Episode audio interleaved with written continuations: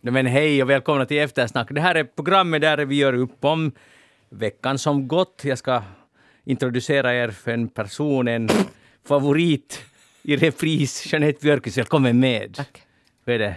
Ja, Ja, du har haft en lyckad vecka på alla sätt. det kan man säga. Ja, Den inleddes genast efter förra veckans sändning tidigt på lördag morgon. bra. Du får återkomma till det. Eller vill du nu redan? Nej, Nej, just det. Men du är väl ändå glad att vara här? jag är jätteglad att vara här. En som jag hoppas är glad för, han har inte varit med på jättelänge. Rico Eklund, välkommen med äntligen. Tack så mycket och gott nytt år får jag säga. Jo, tack. Och god jul och allt det där. Du skulle vara med en veck, för en vecka sedan, men då, då, då, vad var det som hände? Nå, det var min sambo som hade testat positivt och sen måste jag ju testa mig och, och innan jag hade fått svaret så, så det där, då var eftersnack och det var negativt så att jag klarade mig den här Just gången. Den här gången, för att antagligen kommer vi inte att klara oss hemskt länge till. Eh, jag heter Magnus Lundén, programmet Eftersnack. Vi ska tala om veckan som gått. Eh, och det är ju en bra sak. Det är, men, eh, första nyheten som, eller största nyheten, jag, jag tycker att vi borde ta upp den här veckan var den här, läste ni om den här pojken i Korsholm? Tystnad, ni läste inte om honom. Som blev inlåst i en sån här... eh, Ah, i en post- sån här locker eller sån här, jo jag läste, jo. Vad heter det på Eh, svenska? På postfack, Post, ja, men det är större än det. postbox. Postbox kanske man skulle kunna kalla det. I alla fall, han lekte kurragömma tydligen med någon och i en, i en uh, market, i en stor butik i Korsholm. Och så blev han inlåst där. Han gick in och gömde sig där och blev inlåst. Och jag, bara, jag har funderat på den här killen, det kan inte ha varit så roliga 15 till 20 minuter som han var där inne. Uh, vad lär vi oss av det här, Jeanette? Att man ska, se, man ska fundera vart man klättrar in. Just det. Riku, har du också någonting? Jag instämmer, man, man ska vara försiktig var man... eh, en, så att säga, nyfikenhet är en god sak, verkligen, Ja, ja. men den har sina gränser. Så Och i den här ska- kalibern så sätt aldrig tungan på metall utomhus när det är kallt. Till exempel, Nej, för kolla hur det känns. Liksom. till exempel gungans kätting. Det är en dålig idé. Har du gjort det? Ja, det har jag gjort. Ja. När jag var liten, inte nu. Men varför gjorde man det? Var det just för att man var nyfiken? Det är nog en jättebra fråga. Jag tror nyfikenhet och sen, alltså, jag tycker man gjorde ju det också när man redan visste hur det går. Mm. Alltså det var ju inte så att man provade en gång och så där var det, då blev man liksom vis av skadan utan det var någon fascina, fasci, fascina, Fascination? fascination, vad heter det, fascination av det just att, att det går så där, att den där tungan faktiskt fastnar. Ja. Så, så kan det gå. Men jag tycker ändå... Och det var roligt ända fram tills man märkte att den faktiskt fastnade. Ja. Men och så blir det kvar ett litet sånt lager hud kvar där i den där lyktstolpen. Men jag vill ändå gå tillbaka till den pojken. Att jag skulle säga att oberoende, vi vet ju inte vem han är och det behöver vi inte veta. Men jag skulle säga att han har nog en framtid för att det där nyfikenhet, man kommer långt med det. Och sen är det ganska smart gömställe. För vem skulle komma på att i en låst postbox finns det ett barn som är med i kurragömma? Att på det sättet var det liksom, det var, det var inte så smart på ett sätt men å andra sidan så båda det gott. Det tycker jag. Nå, det har du rätt i och för sig. Så bra, och bra det löste sig. De fick ut honom via någon uh, säkerhetskod via posten som personalen ringde till. Och, och de hade redan kallat på 112. Där var, där var en typ brandkåren på plats, men det fanns det sen en magisk kod som man kan öppna alla koder med. Ja, alla boxar med, vilket är också intressant att det finns en sån kod. Nu förstår man varför det ska finnas en sån kod i och för sig. Hej, vi går vidare. Uh, nu har det varit mycket snack den här veckan om, om en sjukdom som heter covid-19 och, och restriktioner kring denna sjukdom. Uh, och nu har igår regeringen uh, det som de kan besluta själva, det, vill- det vill säga om restaurangerna. Nu får matrestauranger hålla öppet tre timmar längre till klockan 21. Hur, vad är er reaktion på det här? Nå, vad ska man nu säga? Det är, ju alltså, det är ju bättre än den här till klockan 18. För jag tror att många av oss har alltså stått inför det här att man är hungrig och ska gå och äta och man får inte sitta. Alltså de har ju fått ha öppet sen, till exempel så här kaféer. Men man får inte sitta kvar i deras. Och det är bara, jag vet inte. Man får gå efter mat. Man får gå efter mat, men det, där, det är ju sällan som man på det sättet behöver gå efter maten. Utan man skulle vilja ha den just där och då. Jo, det är, en, det är en, en av idéerna med restaurang. Det där, Rico ser det här som en stor mm, steg mot mera öppenhet, alltså ett öppnare samhälle. Nå, ett stort steg kan man väl inte kalla det, men, men ett steg ja, är det. Eh, däremot tycker jag nu att eh, jag förstår inte de här barerna då som måste stänga då tre timmar tidigare, så det, det, den logiken förstår jag mig nu inte riktigt på. Eh, jag förstår att nattklubbar så här att om man dricker kanske lite mera så bör, glömmer man bort avstånd och, och sådär. Eh, men eh, jag tycker de, de kunde ha dragit och det tycker jag är lite symptomatiskt att man ger lite olika bud och lite olika signaler åt olika håll och då blir det lite märkligt. Antagligen handlar det ju alltid om kompromisser. Att det finns olika viljor förstås och sen kommer THL, uh, Institutet för väl, vad heter det? Hälsa, och Hälsa och välfärd, som ju egentligen rekommenderar ett, en öppnare, ännu öppnare linje, tyckte jag i alla fall. Så det, där, uh, så det är ett resultat av kompromisser. Ibland är kompromisser inte alltid så bra för att det är så lätt att raljera över det här nu, för nu funkar det ju då så att man kan sitta på om man nu har det här behovet av att man vill sitta på pub, så kan man sitta på pub till klockan fem och sen kan man gå och äta och då plötsligt så smittar man inte mera efter klockan fem när man har flyttat över till den här matrestaurangen som serverar mat. Så det, det finns liksom, jag kan inte förstå den här logiken. Som du, det håller jag med om att om man nu vill dra gräns någonstans så är det kanske vid nattklubbar och sånt här. Och det kan man ju också fundera varför ska man dra en sån gräns? Men sen eh, mycket på Twitter och eller överhuvudtaget i debatten är ju nu att, eh, att det påstås att Finland har i princip de strängaste restaurangrestriktionerna i hela Europa, i hela EU. Och det är också helt intressant att det är på det sättet. Jag undrar, det var ett exempel från Italien där man hade lovat att bara nu tillräckligt många vaccinerar sig så då stänger inte krogarna. Då håller vi öppet. Och det löftet har man stått bakom. Här har det ju inte funkat så. Inte har det kanske funnits ett konkret löfte att vi lovar att allt i allt hålls öppet, men i alla fall man har dragit olika slutsatser. Så det, men tycker ni annars att debatten har börjat vända? För nu är det allt mer ifrågasättande tycker jag den här veckan. Det är många experter också, också från THL. Mikael Salminen har sagt att vi måste verkligen överväga vad som, vilka restriktioner som lönar sig och vilka skador. Och vilka som alltså är juridiskt motiverade. För ja. att man måste komma ihåg att, att, att inte kan man hålla på och begränsa uh, alltså näringsfriheten och människors på något sätt liv om inte det finns vägande juridiska skäl till det. Och de, de är ju nu kända, den här regeringen och förvisso också regionförvaltningscentralerna, att det kommer, det kommer så mycket sådana restriktioner och påbud och ändringar alltså i de här, att, att jag tror att, att vi är inte några som inte riktigt mera hänger med. Att vi är många Men det var, vad det aldrig kommer är att på vad baserar det här sig på? Vad är den här alltså riskbedömningen som ligger bakom de här? Att det är bara sån här sån här som man liksom skickar ut och sen, sen, sen är på något sätt folket har blivit så att aha, okej, okay, no, ju... nu får jag inte sitta mer efter klockan 16. No, okej, okay, no, då går jag väl inte. Och det här är en jätteviktig poäng, för det är ju så vi reagerar. Ah, jaha, nu kom det en, ett ukas. Tänk så snabbt man vänjer sig vid att, att det är undantagstillstånd, så att säga. Att någon annan, och just som du sa, att det inte kommer några klara motiveringar. Vi beslutar därför att. Ja.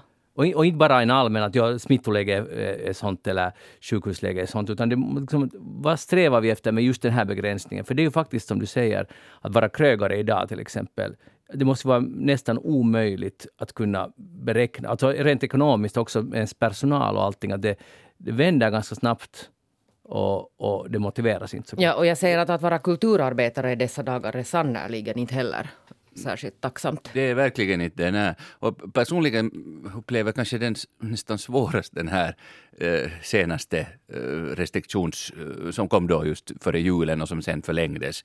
Alltså att måttet är på något sätt rågat och man är så trött och så och jag, blev, jag har själv försökt upprätthålla liksom en sån positiv och, och, och, det blir nog bra till slut och det blir det. Men, det blir det. det. det. blir det. Men alltså det var nog väldigt knäckande nu, alltså här när den förlängdes nu i januari och just när vi skulle börja öppna upp teatern och, och börja spela och repetera igen och så blev det igen förlängt. Så det är mycket frustrerande och, och, och förstås eh, för frilansarna som du har nämnt många, många gånger, men man kan inte nämna det tillräckligt många gånger, är det extremt svårt. Eh, Alltså utan arbete, utan arbetslöshets, alltså sån här, vad heter det, ersättning som är bunden så att säga till, vad heter det, inkomstrelaterad, ja. Eh, eh, så att säga dagarnas slut och man har då yrkat från Skådespelarförbundet nu, det blir en stor demonstration här nu, hoppeligen då sista gången eh, i början av februari. Um, där finns en lista liksom på tio punkter vad, vad Skådespelarförbundet liksom så att säga kräver. Uh, bland annat det just att, att man ska Eh, Eh, luckra upp den här inkomstrelaterade arbetslöshetsersättningen så att man ska få den så att säga förlängd mera än, än eh, vad det är stipulerat annars. Mm. No, det där, eh, sen, sen har du ju, här säger jag till exempel Jussi Sane som har ju, gav en uppmärksammad intervju för Hesari under veckan. Han, har, han är epidemiolog och konsult för WHO. Och han säger så här att viruset kommer inte att försvinna, det kommer ytter, ytterligare vågor i framtiden och olika varianter. Men samtidigt kommer sjukdomsbördan som handlar om sjukhusinläggningar och dödsfall att minska. Den har minskat ganska mycket och kommer minska ännu mer i framtiden. Och det här är den här huvudgrejen tycker jag nu, att nu borde man försöka blicka framåt och inte klamra sig fast vid restriktioner. Till exempel var det en, en analys av hur mycket frånvaro hade varit i skolorna. För när det varnades ju från lärarfacket finns, finska lärarfacket, att om vi nu att det kommer att bli så mycket frånvaro bland elever och lärare att många skolor kommer att stänga. Och det har ju varit, förstås har det varit mycket. Det är en rejäl virusvåg som drar över Finland. Och det har varit mycket, men, men de, den här undersökningen visar på att det har inte varit mer än i januari i fjol. Och det där att det har varit liksom acceptabelt. Så de här värsta farhågorna besannades inte. Och nu borde man liksom sätta en rubrik på det. Hej, det blev inte så illa som vi, någon trodde. Och, för det kanske ger hopp om att... För vi, jag tycker att vi nu i över två år har vi alltid gått enligt det mest negativa prognoserna och rädslorna. Ja, det är den här katastroftänket hela tiden. Har fått styra allting. Och det tycker jag är jätteproblematiskt och det är också problematiskt hur vi ska komma ut ur det här. Nu menar jag mentalt hur vi ska komma ut ur det här. Det, kom, det kommer helt klart att sätta spår i Eh, man kan säga mänskligheten eftersom det är en global pandemi. Alltså eh, i den, den generation som nu går, har börjat skolan och, och eh, så att säga en vardag för dem.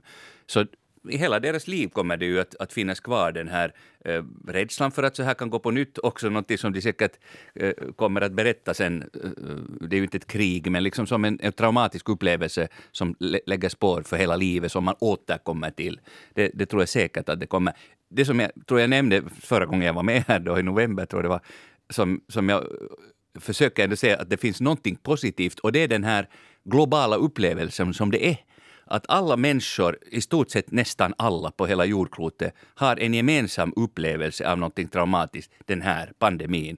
Alltså den är större än till exempel andra världskriget som inte uh, drabbar hela världen, fast det hette då världskrig. Uh, men den här pandemin har i stort sett drabbat nästan alla på något men jag sätt. håller inte med om det där. Jag håller inte med om det därför för att om vi ser hur till exempel vaccinen har spridits ut över hela världen. Det har, getts ut, det har delats ut 10 miljarder doser och, och, det skulle i princip räcka till en vaccindos till varje människa i världen. Eller inte i princip, utan det skulle ha räckt till. Men i massor av länder är det bara typ 10 procent som har fått den. Och i, om vi tar många afrikanska länder, så där har livet fortgått så, som, så att säga inom situationstecken som vanligt. Och på många håll i världen så har det inte varit... Nu är det ju ganska Europa, USA, uh, vad ska vi säga, centrerat det här. För vi tror att alla lever i sån här lockdown som vi har gjort i Finland. Och så har det inte varit. Nej, du, du har rätt vi har det. inte haft lockdown full, det stämmer inte. Men... Nej, nej, du har rätt på det sättet, men det är ju ändå en pandemi som så att säga har, finns i hela, he, hela jordklotets människors befolkningsmedvetande. Alltså på ett annat sätt tror jag än, än andra katastrofer tidigare, eller kriser. Men jag tycker bara att det är hemskt att jämföra på det sättet med andra världskriget. Det är, en, det är en andra världskriget krig som vi människor så att säga själva fått till stånd. Vi, vi börjar hata varandra och bomba med atombomber och så vidare. Jo, jag vill inte jämföra sig alltså på det sättet som, som ett krig. Det var inte min... Men min, min point är det att det att vill man se någonting positivt så är det någonting som förenar, som förenar ändå en... Alltså, har, har du upplevt någonting jobbigt i ditt liv så har du lättare att förstå en annan människa som har upplevt samma sak eller någonting åt det hållet. Och det är det jag menar, alltså att, att jag tror att det kan finnas en större förståelse för varandra, inte förstås hela världen, men liksom... Eh, men, men, jag tycker så här, alltså jag, jag förstår absolut, och jag tror att det gäller absolut för hela Europa och för hela USA och Australien och så vidare, men det finns ju många länder där man har mycket större problem att, att fundera på i vardagen. Alltså för massor, miljarder människor, så är det här det är egentligen nästan ingenting alltså en, mm. coronavirus. Det är nu en, en i raden av sjukdomar. Och jag menar inte att det vad är rätt och vad är fel, utan jag menar bara att jag är inte så säker på att den där totala och globala gemenskapen uppnås, eller finns via covid-19. Jag, jag är inte säker på det. För, att, för det, det som har hänt är att vi har fått uppleva att det finns nu en sjukdom som vi inte helt kan kontrollera. Och, och, och att den drabbar så här. Det finns, Och på andra håll har man tampats med ebola, ja, som vi inte har sett röken av. nej. Och vi känner ingen gemen, hemskt lite ebola-gemenskap över världen. Eller, eller vad heter det, alla de här eh, malaria till exempel. Som Nå, för en, Då kan jag omformulera det så att, att det finns olika eh, kriser då i olika delar av världen som vi upplev, så har upplevt eh, i stort sett alla, om det då inte är den här, som hjälper oss att förstå varandra. Bra, tack! Då, då, det kan vi omfatta. Tack. Det, det, just det, utmärkt. Det där, hej, en sak jag skulle vilja diskutera, eh, för det har ju funnits... Mm, jag tänkte det är en ganska spännande tanke. I Norge hade de, jag tror att de har skippat det nu, men de hade en, en sån restriktions eh, period så var det så att krogarna fick vara öppna, men man fick inte servera alkohol. Och då tänkte jag att det där är en spännande idé, för vad skulle hända i Finland? Hej, krogarna ni får vara öppna till fyra på morgonen, men det säljs ingen alkohol. Vad tror ni? Skulle det här funka? För det är en ganska angenäm tanke på ett sätt. Skulle ni gå på krog? Det där... Jag har ju nog förstått att den här ungdomen, så de dricker ju inte så mycket mera. Och det finns många, många grupperingar som inte dricker utan man går till Stockholm till exempel och tittar på, på kaféer sent på kvällen. Så där sitter en massa människor, alltså unga människor som dricker nyktra? kaffe. Nyktra. Jaha. Kaffe. Att man som umgås alltså helt enkelt, inte, inte i alkoholrelaterade tecken utan de umgås bara annars. Ja, men nu talar vi om. Jeanette Björkqvist. Skulle du gå ut på krog eh, om, det, om du, du inte skulle få alkohol för att umgås med människor? Och visst kan man, det är som att, alltså det är samma som att sitta på café. Jag vet, men på kvällen, så här, jag förstår det. Jo, jo, men, alltså, jo, jo, men varför inte? Why not? Okej. Men, ta, alltså nu, lite, jag må- bara, alltså, menar ni nu också att, att man får äta? Alltså Ja. restaurang eller Jag tänkte, nu, jag, jag tänkte nu på baren. Dricka te eller vichyvatten. På baren. Mm. Nu kan jag sitta där en stund en stund. Ja. Men, tänk, men det, det, ju, det är ju helt galet. För jag tänker just på samma... Okej, nå, en stund. Ja. Och nu har man ju gjort det. Jag menar inte det är något jätteovanligt, men tänk så bundet det är till att man går dit och ska ha sitt stop. Eller, Ja. eller du dricker säkert inte stop-Rico, men... Nej, jag gör nej, inte det. Nej, vad dricker du Jag istället? dricker vin. Ofta. Hurdant vin? Eh, gott vin. Ja, gott vin, just det. Ja. Okej. Ibland lyckas det tyvärr inte om det finns bara en sort på vissa Och då blir du ställen. irriterad. Ölkrogar som kanske, kanske inte har något vin eller så är det en sort som inte är bra. Barbariskt. Det är mycket, nej, inte vet jag barbariskt, men inte trevligt för den som inte tycker om öl. Ja. Men vad blev vi? Eh, ja, eh, om det är trevligt att sitta och dricka eh, på krog. Alltså, Inte dricka eh, Inte alkohol. dricka, alltså, ja, för det är trevligt att sitta och vi är bundna vid den här alkoholen, det, Ja. du har helt rätt. Men, eh, men nu, och som Jeanette sa, så visst, det här är en liksom eh, trendsvängning, alltså att, att yngre människor, också tycker jag nu, det en, reklam i tv som rullar på där det är alltså 0% öl, alltså där det inte finns någon alkohol alls, och som gör Alkoholfri öl. Ja, det kallas alkohol. alkoholfri öl kallas det, enklare sagt. Så eh, att man gör reklam för det som att, och att och där, där, jag vet inte om ni har råkat se det, men alltså där kommer det en massa kommentarer, just de här klassiska, hej, ska du, väntar du, väntar du barn, eller väntar du, aj, du ska köra, eller att, det, man måste alltid förklara varför man inte eh, dricker sprit, eller någon drick, och så säger det, det, vad är det för idiotiska frågor, eller vad det där svaret nu är, alltså, men, men det är ju en bra trend det också, att reklamen liksom går in för att att, att det är okej att inte dricka sprit. En uh, uppmärksammad kolumn, jag tror att det var i dagens Hesaris, det här nytt bilaga, uh, redaktören Inkeri Harju har skrivit lite om det här, när hon skriver att uh, det är nog inte så att problemet i dagens samhälle är de, de, den unga generationen, utan problemen är medelålders folk, så som vi. Bland annat för att det dricks alldeles för mycket. När hon har jobbat på bar så ser man det är de enda som inte kan bete sig är fulla medelålders, både män och kvinnor som är o, helt enkelt odrägliga. Och hon har också många andra exempel. Och det här tycker jag är jättefräscht. Att, jag, alltså, om det är någonting jag älskar så är det självkritik. För det här är superbra att vi måste fundera, för att det är den här klichén går alltid igång att de unga, de förstår och vet inte. Vi fick höra när vi var unga och ni, ni, vi vet alla den här. Så nu vänder vi på steken. Så är det vi som är problemet, hörni. Ja, men det var ju det vad jag just sa. Ja, du sa det. Så du, ditt svar är ja. Ja. Riku? No, alltså personligen kan jag inte Ja, jag skriva får- under det, för att jag, personligen brukar jag inte dricka. Jag, har alltså en, en kropps... eh, eh, det är någonting i min kropp som gör att jag inte klarar av, och har också blivit då kritiserad, "Hej, varför dricker du mera? Alltså sån här, "Hej, tål du inte? Alltså sån här... Av andra medelålders Ja, människor? no, också när jag var yngre, men också fortfarande alltså, så kommer det eh, liksom en bricka, med, inte nu under pandemin, men före, under normala tider. Just när man ska gå hem så kommer det, alltså på natten, så, så kommer det en bricka med shots. Och ta nu, ta nu, ta nu, vad är det för led? Och jag vill inte ha, jag, jag klarar inte heller av Men en kan du väl ta? Och sen blir folk sura. De har liksom Ja. köpt en hel bricka med tio och massa pengar gått åt till det där. Och så vill man, alltså man ska fråga folk om de vill ha och, och inte komma där och på det sättet. Jeanette, ska vi köpa salmare till Riku nästa gång vi Den här som man kallar på finska för lärvilautanen. Ja, det, det, är ett, just det. det är ett sunt fenomen på alla sätt. Och just så här vid halv tre-snåret. Han För- är nu ironisk, Ja, jag är hoppas ironisk. jag. Ja. Men, men för medelålders så är det här ett sätt att ha roligt. Ja, det, det är det. Och det är det som den här stackars ungdomen inte förstår, att det är roligt! Roligt med Ja, lärvilautanen. att det är liksom skoj hela vägen, nästa dag också. Så det, men okej, okay, men läs den här kolumnen, jag tycker det är roligt. eh, det är bra, det är verkligen på sin plats. En som, ett område där det inte är lika roligt just nu är Ukraina. Och, uh, men eh, den här veckan så tycker jag en, en öppning, och det har ju skett både öppningar och dörrar har öppnats och dörrar har stängts. Men jag tror att en sak som Putin kanske förstår är det här när man börjar tala om, när man börjar tala om den här gasledningen, att om, om ni invaderar så då blir det ingen deal. Då, fast den är byggd och klar, det bara ska testas lite, den här nya Nord Stream 2 som går till Tyskland, att om det blir en invasion så kommer den där inte tas i bruk, för då talar vi om enorma förluster hos alla parter. Men vad tror ni, går ett sånt här språk hem?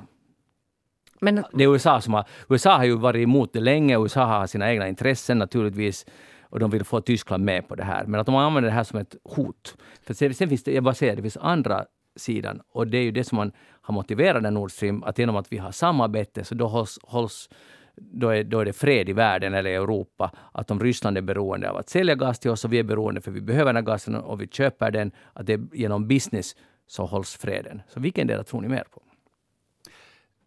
Alltså på ett sätt tr- tror jag mera på det, att genom business och genom kontakter och så hålls freden bättre. Och jag tycker att Niinistö har varit bra med sina samtal nu som han har fört, eh, både med Putin och Biden och med, med, med NATO. Eh, alltså det, dialog också då när man tycker helt olika, att upprätthålla den är jättebra. Det är inte en garanti för att det inte går illa, men det är åtminstone en bättre väg, tycker jag. så är det ju alltså det där. Men sen, sen lite att hur man, hur man för en dialog med olika slags personligheter. För att jag tror att vi förra veckan satt här och sa att han behöver lite sådana här raka bud den här Putin. Och det har han ju fått nu, Ja. del, i alla fall delvis. Och, och ett enat NATO eller och enad Västeuropa är nog det han inte vill ha. Så nu har han kanske lite fått det. Men, men samtidigt så jag kan inte... Att, när Ryssland säger, sa senast idag, eh, Rysslands utrikesminister sa att vi, vi vill inte ha krig. Och jag, jag är säker på att man frågar Ukraina, skulle ni vilja ha krig? Nej, vi vill inte ha. Man frågar USA, nej, för det är ganska dyrt och andra orsaker också. Vill Tyskland ha det? Nej. Så igen, kan inte alla, som vi sa förut, kan inte alla bara få hem? Alltså, det blir ingen krig. Ingen vill det. Saken klar. Ja, det tycker jag låter som en jättegod idé. Att, men det här, om inte vi klarar det här. Men så jag tänker att om det nu har gått lite så här på högvarv och nu kanske man lite har lugnat ner sig. Ja. Att om man nu då skulle kunna försöka tänka att hej vänta, att gick det här lite långt nu? Det känns lite som om hela världen är lite så här på sin spets. Att alla, alla det är någonting, jag, jag påstår att det har någonting att göra med den här corona, eh, två år vi har haft, att allas nerver är lite på helspänn. Och det kan vara att det speglar sig. För det, nu sitter ju säkert också, Biden har sina inrikespolitiska stora problem. Putin har det egentligen också. Alla sitter där och, och det är som om någonting skulle borde liksom hända, så att säga. Och det är alltid farligt. Jag har, jag har liksom, eh, alltså, eller som då tangerar det här, alltså blivit mera positivt inställd till vår president. Eh, inte har nu varit så negativt tidigare heller, men, men jag tycker hans den här lite kantiga, lite, eh, ibland lite klumpiga också sätt att, att eh, uttrycka sig och, och, och inte så äh, åtkomlig på ett sätt, så äh, känns som bra nu i det här, i den här situationen. Alltså, nu den här intervjun som var med var det MTV3 nu just med honom, jag, jätte, på något sätt tänkte att oj, ja, han, han talar jättebra. Mm. jag fick, fick en sån här mycket positiv känsla av att vi just har honom som president i den här krisen. Som Menar du nu i coronakrisen eller Ukraina-krisen? Nej, jag menar Ukraina. Ja. Jag har exakt samma alltså, känsla. Sen tänker jag det där att han talar ju knappast finska alltså med, med Putin. Att han- kanske det inte går att krångla till det så mycket som han gärna gör på finska. Ja. Att det kommer väldigt mycket ändelser så att det blir lite komplicerat. men, men kanske det inte går att tala så komplicerat sen när han talar. Nej, men nej, om Jag man har en jättebra översättare så då funkar det ju. Jag har nog svårt att tänka mig att Men talar de på var, de, antagligen talar de på varsitt modersmål. De alltså talar helt- och ryska och så. eller engelska. Alltså Nej. Putin lär ju tala. Inte, han talar aldrig eng- alltså han, han kan engelska, men han men talar i samtal, förstår du, där inte. ingen Jag annan han inte lyssnar. gör det. Jag tror att de har en, en simultantolk Ja. som, som är där med i telefonen. Grattis den tolken som sitter och tolkar Niinistös. Niinistö. Kyllä se voisi inte- niinkin olla, että... Men alltså, om man är, då måste man vara väldigt skicklig på ryska också. Det är ju det. Att det, är- det är ganska Det är viktigt. uppenbart. Men jag håller med Rico att det där, jag har ett, precis samma känsla nu med den här.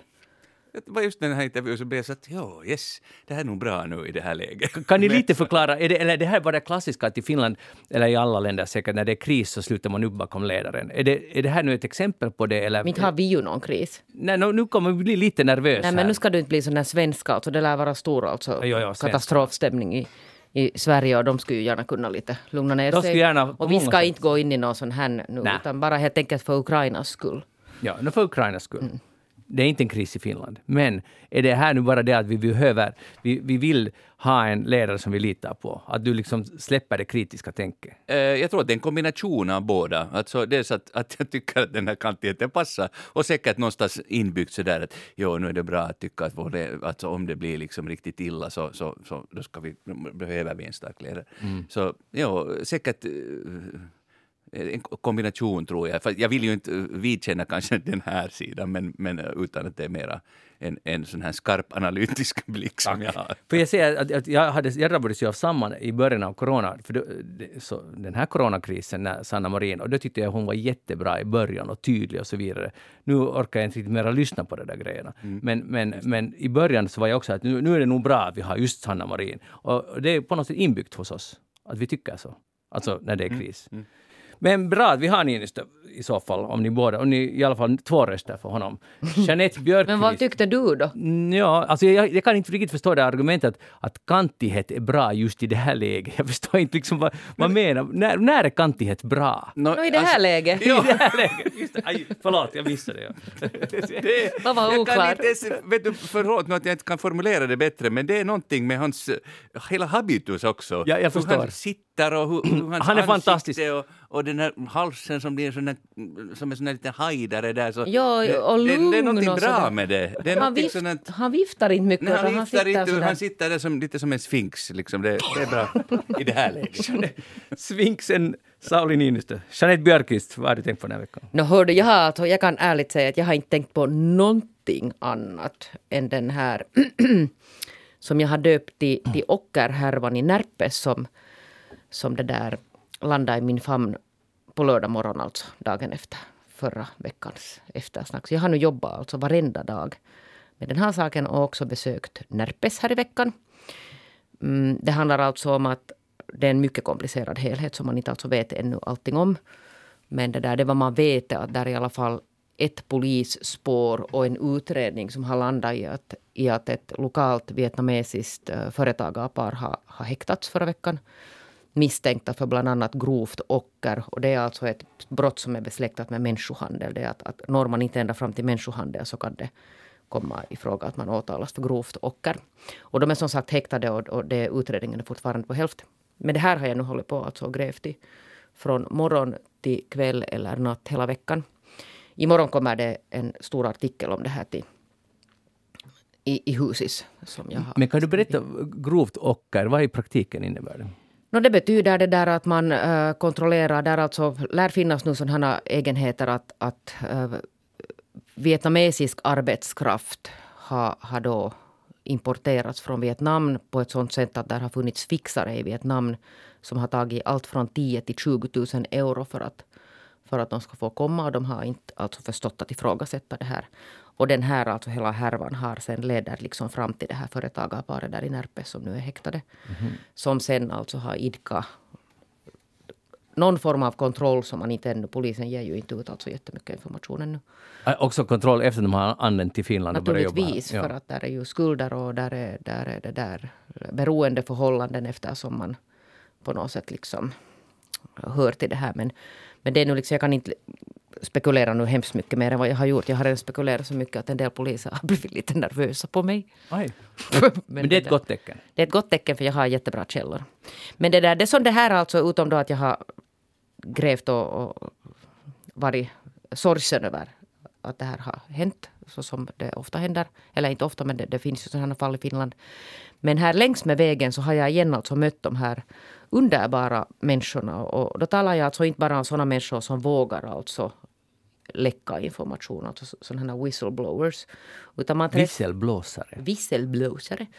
Utan man träffar ju också, alltså den här gången också och många, många, många tidigare gånger. De här människorna som alltså på riktigt i sin roll, position till exempel som lokalpolitiker eller, eller vet ni, någon ledande tjänsteman eller, eller var man nu kan sitta alltså i ett sammanhang så att man har alltså en position som vågar vara den som, som envist försöker eh, ställa sig upp och stå för sin sak som alltså på till exempel små orter inte alltid är särskilt omtyckta, men, men väldigt nödvändiga.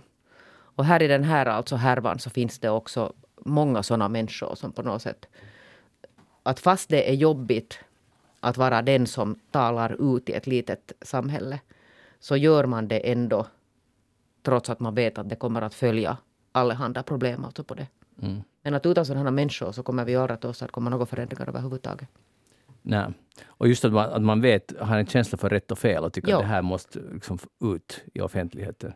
Hur, hur, har, hur har du tagits emot när du har varit där och grävat i Närpes? Jag kan säga att jag var inte alls välkommen. Var du inte välkommen? Inte alls. Det var inte ett sånt besök att man rullar ut röda mattan den här gången. Och, och vad tycker du det är skäligt? Nej, det tycker jag inte. Alltså det där, där tänkte jag att jag, det där tänkte att de skulle kanske, det skulle kanske behövas på olika nivåer någon form av kommunikationskonsult nu. Att det där, hur hanterar man sånt här? För jag förstår också att det är omskakande om man inte är van med att, att någonting så här eh, liksom plötsligt finns i ens famn. Som naturligtvis alltså inte är kommunens. Det måste man komma ihåg att, att, att de som nu sitter häktade är ett par. Alltså brott, misstänkta brottslingar. Och det kan man ju inte alltså belasta någon Nej. annan för. Men när det händer på en sån här ort så är det ju nog på något sätt också skulle kunna vara bra att eh, våga, våga tala. Jag Men- säger så. Ser man det på det sättet att Ser man att Närpes nu blir svartmålat för att det finns ett par som har sysslat med ocker, eh, eller är anklagade för det? Det får du läsa mer om i hus Okej. imorgon. Okej, men jag menar bara att den här är en intressant fråga. Riku? Ja, ja det, är- det är intressant just den här aspekten med, ett- med ett mindre samhälle om det sker någonting så att säga som kastar en negativ dager på det. Pratar du, har du pratat med liksom, så att säga vanliga Närpesbor på gatan så där, eller på, på vägen? Jo, men det där, jag har alltså på ett sånt sätt att det där, att det, det var, det var svårt för, för en del att synas i mitt sällskap. Det var liksom på den här nivån. Ja, de var medvetna om att du var där. Ja, det tror jag de var. Mhm. Ja. No, alltså, men ändå, man måste ändå säga att, att alla som tror på rätt och fel på något plan, det här är ju då, så sannolikt då kriminell verksamhet, eller hur? Så det måste ändå fram. Att oberoende det är i Närpes eller i den stadsdel eh, jag bor själv i, eller så det, det måste, det ska fram. Ja, att sen, det, det, man måste bara försöka se, och, jag förstår att man blir som Närpesbo irriterad och Jeanette Björkqvist dyker upp och vill svartmåla Närpes, men det handlar ju om det. jag ju nej, inte, du alltså. Jag menar just att, men man tror det, men du vill Ja. inte det, utan det du vill är att berätta om en kriminell verksamhet och det spelar ingen roll var den är, det måste granskas, Svenskfinland eller inte, ja, litet eller stort. och sen skulle man hoppas på något sätt att det skulle någonstans ifrån hittas en solidaritet där man tillsammans inser att nu står vi här tillsammans. Att inte ens, liksom enstaka människor behöver vara de som på något sätt för fram det här. Men hur menar du? Nå, det där du förstår imorgon. Men du kan inte tala sådär i... Tala så här så att vi ska, måste läsa tidningen imorgon. Ah, det här är alltid en sales pitch. Det är sales pitch Börja prenumerera på. HBL. Imorgon. Ja, imorgon. Inte före Eller idag. Ja. Nå, Rico, har du någonting att tillägga? Det här? Nej, det är intressant eh, hela konstellationen och, och, och just det här med mm, eh, ja, men att, vilken, vilken mindre ort som helst som, som och Närpes har en sån här liksom sken av en mycket, tycker positivt liksom det, det är tomatodling och det liksom går jättebra och, och, och, och det, positiva människor som kommer från Närpes och det är företagsanda och, och sån här, alltså att, att det mesta nyheter tycker jag, åtminstone så här in, in, inom det svenska i Finland så, så har varit så där, ja, så man har en väldigt positiv bild. Precis. Så, det, och, så därför det är ju inte bra att något sånt här uppdagas, men det är viktigt att ta fram det om det eftersom det då existerar. Ja. Men det är alltså inte helt olikt det att, att det där, jag skriver ju ibland till, till Svenska Dagbladet om saker som händer i Finland, alltså sån här äh, medarbetaravtal. Och där kan det ju också uppstå sånt här att det händer någonting dåligt i Finland och så behövs det en nyhet i Sverige. Och så finns det plötsligt att, att, att sen får jag kritik för att varför svartmålar du nu Finlandsbilden i Sverige. Mm. Men det är ju inte det det handlar om. Men sådär på något sätt liksom att, att om jag är journalist och rapporterar från Finland så inte är jag ju Finlands ambassadör utan jag är fortfarande en journalist. Mm. Det där är jätteintressant. Det är liksom som att du är opatriotisk. Du får inte ja. säga någonting negativt om Finland Nej. utomlands. Att ska jag skriva till Sverige så ska jag skriva bara reklamtexter. Ja. Och det är ju helt alltså bisarr tanke. Mm. Men tyvärr tror jag att en del tänker sådär. Men, men Rico, du var inne på en bra sak det där, för det är ju faktiskt så när man går i butiker, så Närpes har ju, och det är helt välförtjänt, alltså de jobbar ju som galningar där och kämpar företagsamhet som jag hyllar. Men det är ju så att när man går i en butik så ser man, jag blir, man får ett litet smil på ansiktet varje gång man ser de här, till exempel de här små paprikapåsarna. Som jag blir, det har liksom smultit hos mig perfekt. Mm. Och jag köper dem bara av, jag vet inte varför. För jag skulle kunna köpa paprika i stora paket från Holland, men man skulle förstås köpa in det. Men där köper jag dem och jag blir på gott humör och därför har jag ett otroligt starkt brand som på något omed... Jag har inte sett någon reklam, inte så att jag ser tidningen, utan det är bara det som jag ser där i butiken. Ja. Jag köper det, det är från Närpes. Och minitomaterna, ja. god, jättegoda det är ja. Närpes minitomater. Jag har ja. fått äta hörni, Närpes-tomat direkt från plantan och det var gott. Det är gott, ja. Och nu, har vi, nu, nu har vi hyllat Närpes. Rico Eklund, vad har du tänkt på den här veckan? Jag har tänkt på att det i år har förflutit 50 år sedan jag inledde mina studier vid Bemböle folkskola. Gratulerar! Om man kan Nedläggningshotade Bemböle. Det är just det, alltså det är nu inte det jag då förstås tänkte på att jag har börjat där, men, men det, det eh, Bemböle skola, liksom de övriga så kallade byskolorna i Esbo är alla nedläggningshotade. Det är alltså Smedsbyskola och Rödskogsskola. Och det här är inte på något sätt första gången. Bemböle var nästan så där på väg att läggas ner. Det har skett flera gånger, tror 2018. Eh, och jag funderar bara över, liksom, inte bara då Bembeleskolan och Esboskolorna, utan de här små skolorna som finns ändå, lyckligtvis tycker jag, runt om ännu i Finland, även om väldigt många har lagts ner. Till exempel i Nagu eh, la man ner Käldinge skola. En, och min byskola. Ja, mm. Så det finns ju väldigt många som har lagts ner. Bemböle har förutom att det är en jättetrevlig och fin skolbyggnad, eh, har alltså som byggnad då en, en intressant historia. Det alltså fyller nästa år Eh, 2023 fyller byggnaden 100 år och den är ritad av Johan Sigfrid Sirén, alltså, som några år senare sen fick uppdrag att rita riksdagshuset. Och det är en ganska ovanlig skolbyggnad på det sättet den påminner lite om sån här, han hade fått inspiration tror jag i, i Amerika så att den har lite såna drag kanske. Lite sån klassisk 20-talsklassicism. En jättefin eh, skola där jag då som sagt själv har gått och mina syskonbarn har gått där och det är också en, några år sedan. Och jag var nyligen där och filmade in den här Spegelvägen som Monica Wikström Jokela regisserade eh, eh, och så hur, hur fin den här skolan fortfarande är. De har inte haft något problem med inomhusluft, de har inte haft något sånt som det drabbar många skolor. Orsaken är då att Esbo har tagit ett principbeslut att skolor där det inte ryms åtminstone två parallellklasser per liksom kurs, så sådana ska då inte finnas, alltså nya skolor. Och nu tillämpar man det här då idén med att de nya skolor också på, på Bemböle.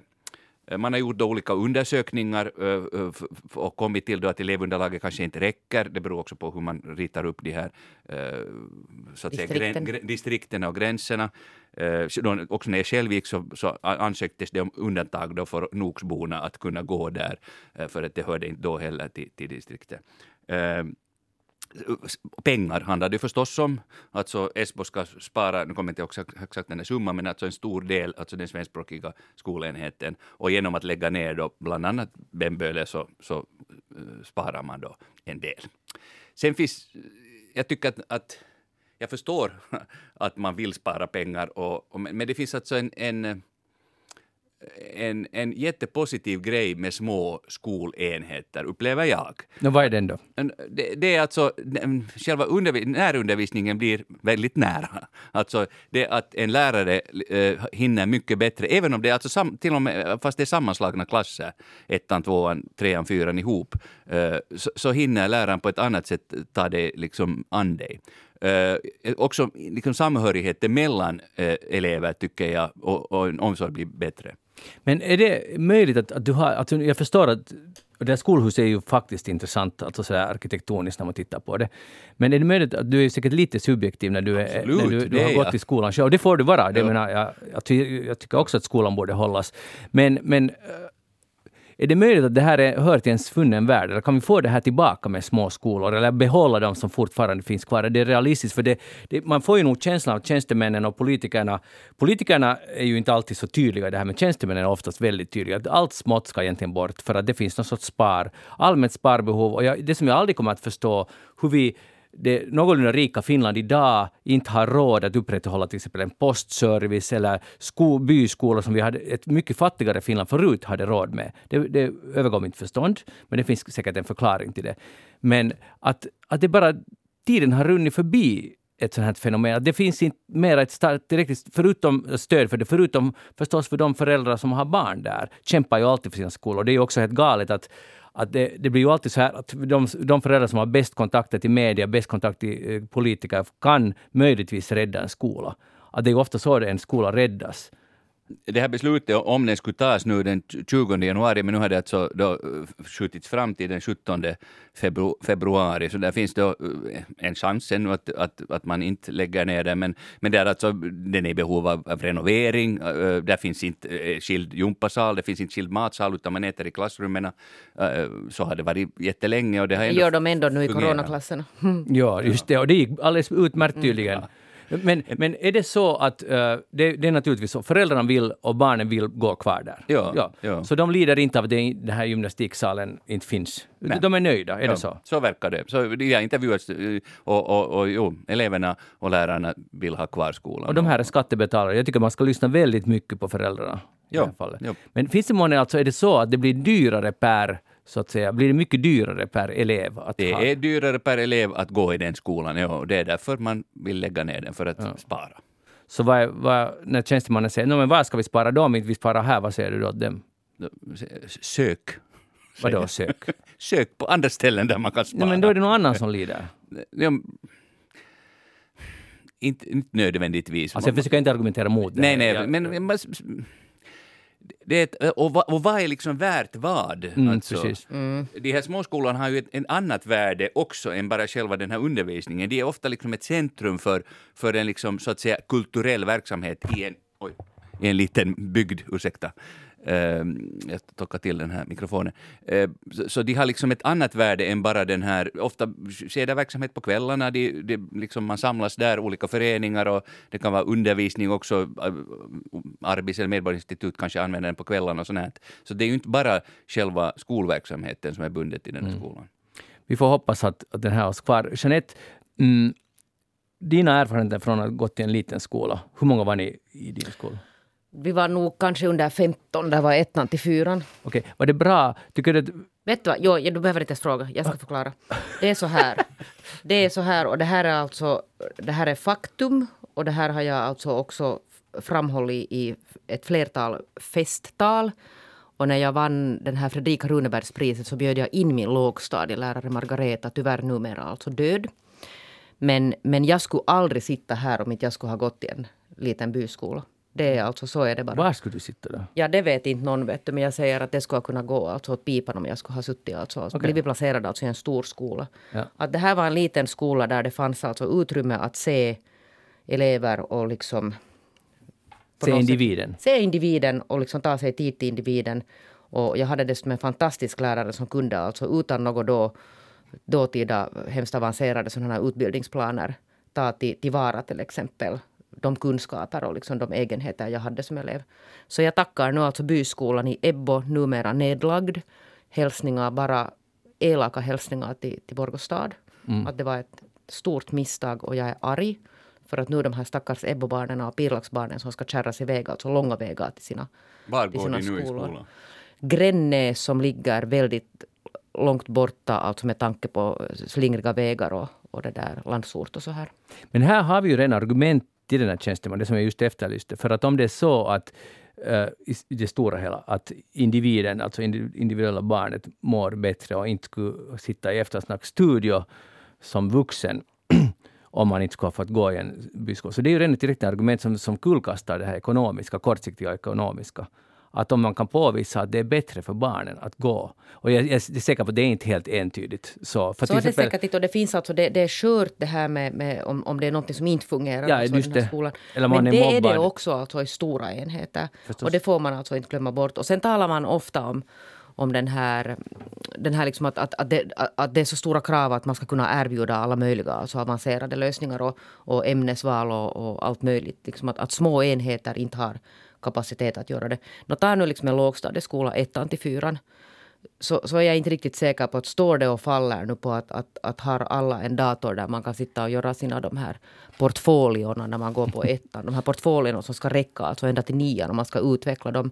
Att, att är det sen liksom det som är det viktiga eller är det andra saker som är viktiga där alltså i den åldern? Jag håller helt Mm. med dig, alltså just med det här, de första åren är den där tryggheten jätteviktig. Och, och sen kan man bygga på den här mångfalden och, och bredden på att välja olika saker. Alltså, så att jag, jag flaggar mycket för en liten enhet i början och sen kan den växa så att säga.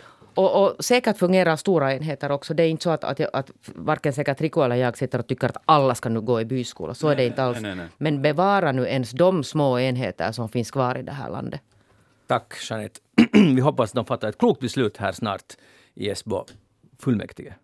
Är det väl de som beslutar det här? Ja, eller nämnden, nämnden Svenska rum i Esbo. Just det. Där, där ska det beslutas. Okej, vi går vidare. Hej, ni, ni, vi hade ju på Eftersnacks Facebook, jag tror att Jeanette, det var du som la fram det här, om uh, masker i... Uh, att är man, är man liksom snyggare utan, med, eh, förlåt, med mask? Att det, man blir mer intressant för då måste man bara se på ögonen. Och, och jag håller verkligen inte med om det här, men, men, men det blir i alla fall en diskussion kring det här och, och det finns tydligen...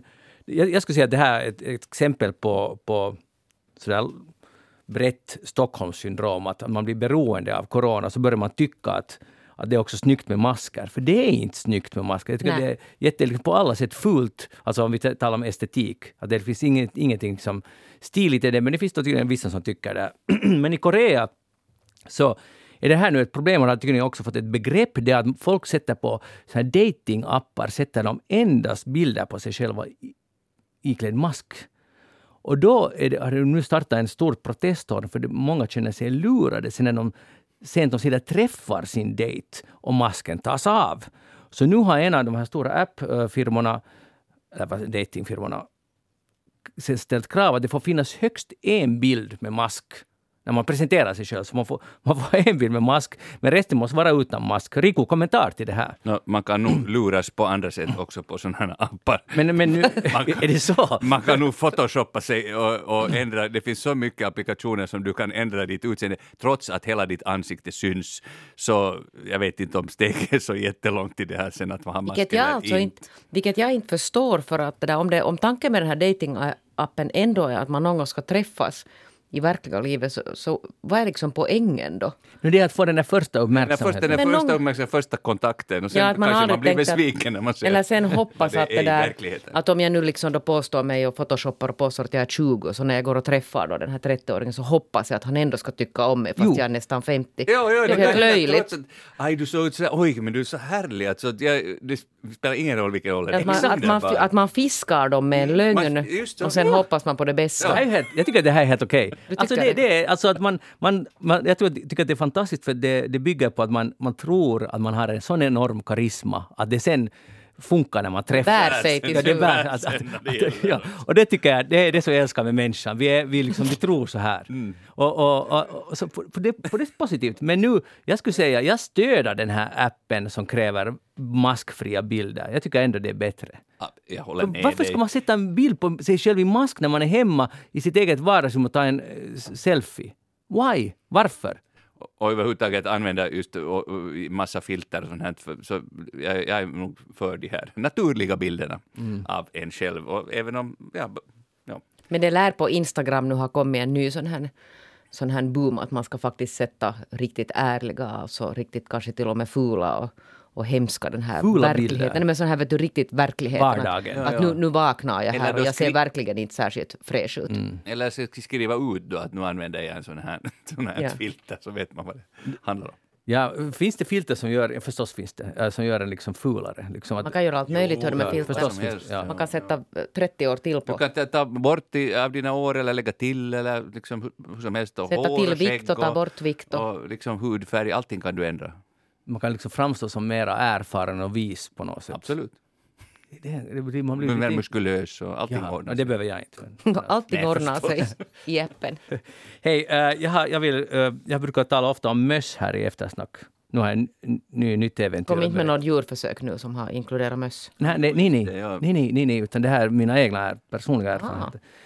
Det, jag har ju, vi har ju ett landställe, en stuga i, i Pargas och där finns... och jag- Lerhyddan. Lerhyddan, ju kallad så.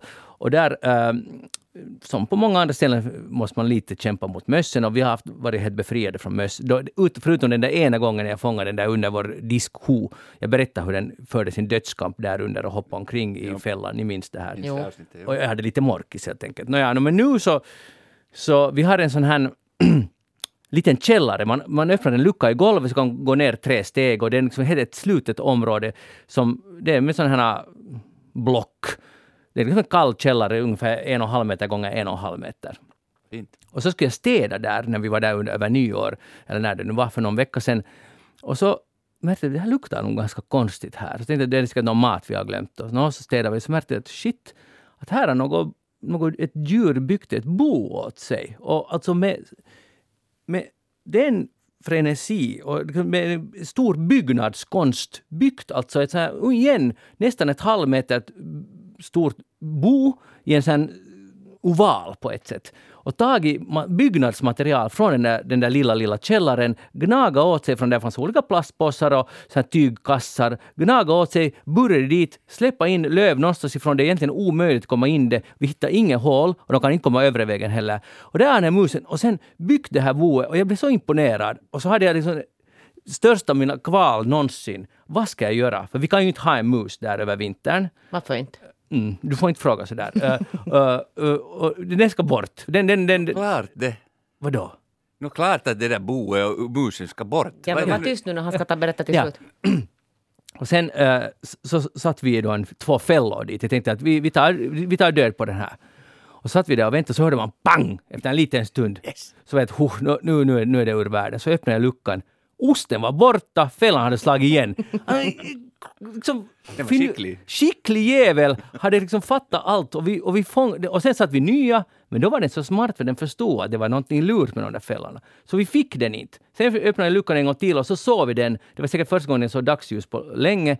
Där var den där musen sprang omkring och kom inte ut ur det där utrymmet.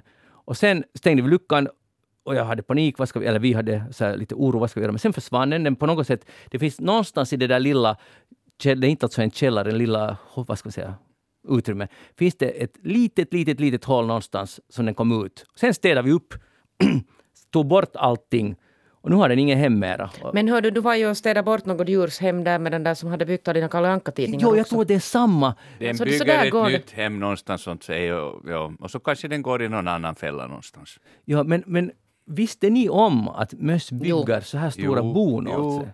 jo. Jag har liksom inte känt till det. Jag har varit med om Det är därför där. man ska ha Ja. katter, ser du, där när man har Just det här att de, att de använder, river åt sig material av det som nu råkar finnas runt omkring så söndrar de och, och, och använder det som bomaterial. Ja, Men det är ganska imponerande. det är imponerande men jag vill inte ha det inne någonstans. Inte i källaren och inte i något annat utrymme heller, så ut med det bara. Ingen morkis, du får ingen morkis. Ingen morkis.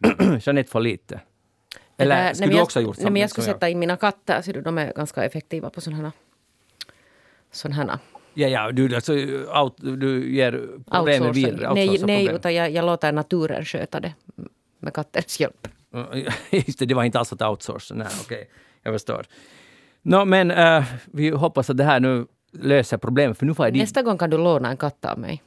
Jag, jag är lite allergisk. Ja, men det gör ingenting. Där är stora vet du, lerhyddan, där är bra ventilation. Så de kommer att plocka bort allt. Du tror det? Okej. Okay. Hej, uh, jag vill göra lite reklam för nu när vi talar om kulturarbetare. så det där, Svenska Teatern har ju haft, liksom många andra teatrar, problem. Och nu uh, kommer humorlandskampen tillbaka i maj. Och det där, jag vet det finns många andra fina pjäser på svenskis. Rico, det vet vi. Men den här, för här är att om, det är inte som att, det är nästan som att se eftersnack. För att här är Anders Helenius är med, André Wikström som någon gång i tiden har varit med i eftersnack.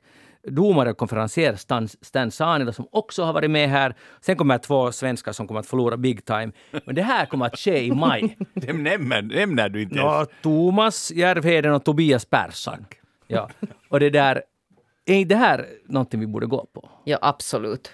Absolut, ja. Är du en vän av stand-up? Eh, ja, det är jag nog. Ja, jag går inte så jättemycket på det, så att jag borde faktiskt göra det. Men det, det brukar ofta vara sen att, att då när det är den här uh, humorlandskapet, så då är jag ju då själv ledig från teatern. Så då, och det är ofta så att sen drar liksom skärgården. Drar skärgården då? Det längre strået, så att säga. Men, men varför inte nu gå i år när det har varit paus? Ja. Mm. Det, jag ser verkligen fram emot det här, för stand-up är nog... Det, jag tror det skulle komma att sitta ganska bra efter den här pandemin. På något sätt. Men jag hade ju redan när det öppnades upp så fick jag sån hysteri att jag sprang alltså på alla pjäser jag bara hann på. Ja. Och så tänkte jag att oj vad jag var löjlig att, att inte det är ju så bråttom nu. Och nu är jag jätteglad att jag gjorde det för att för det var stängde, För det var ju bråttom. Och, och jag hoppas att det aldrig mera går så här. Bästa publik, reservera biljetter nu. Från mars öppnar vi upp och det ska vi hoppas och tro på att det går. Det måste så mars, april, maj Reservera biljetter, köp biljetter. I alla teatrar. Ja, så, så nu har vi alltså, man ska prenumerera på Husis, man ska, man ska gå på Svenskis. Vi hade inte, alla, inte bara Svenskis, alla teatrar. Vårt budskap är inte så radikalt finlandssvenskt den här gången, utan det, vi vill stödja institutionen. Men därför tycker jag att vi ska också köpa biljetter till alla små teatrar. Absolut. Så det finns många, många goda föreställningar. Så jag, jag tror på Jeanette Din att man ska leka det bråttom, men sen hinner man med mycket för det kommer att vara öppet länge. Det kommer att förbli öppet och det här måste vi tro på. Och jag tänker i alla fall tro på det. Jeanette Björkqvist, mot bättre tider, eller hur? Mm. Rico Eklund, tiderna blir bättre. Allt kommer att fixa sig. Risto Salonpää var uh, tekniker idag. Jag heter Magnus Lundén och eftersnacket tillbaka genom en vecka. Då har vi en sidekick från Åland. Vi lyfter blicken västerut. Skriv till oss på eftersnacksnabelayle.fi eller gå in på facebook.com eftersnack. Hej då, ha det bra!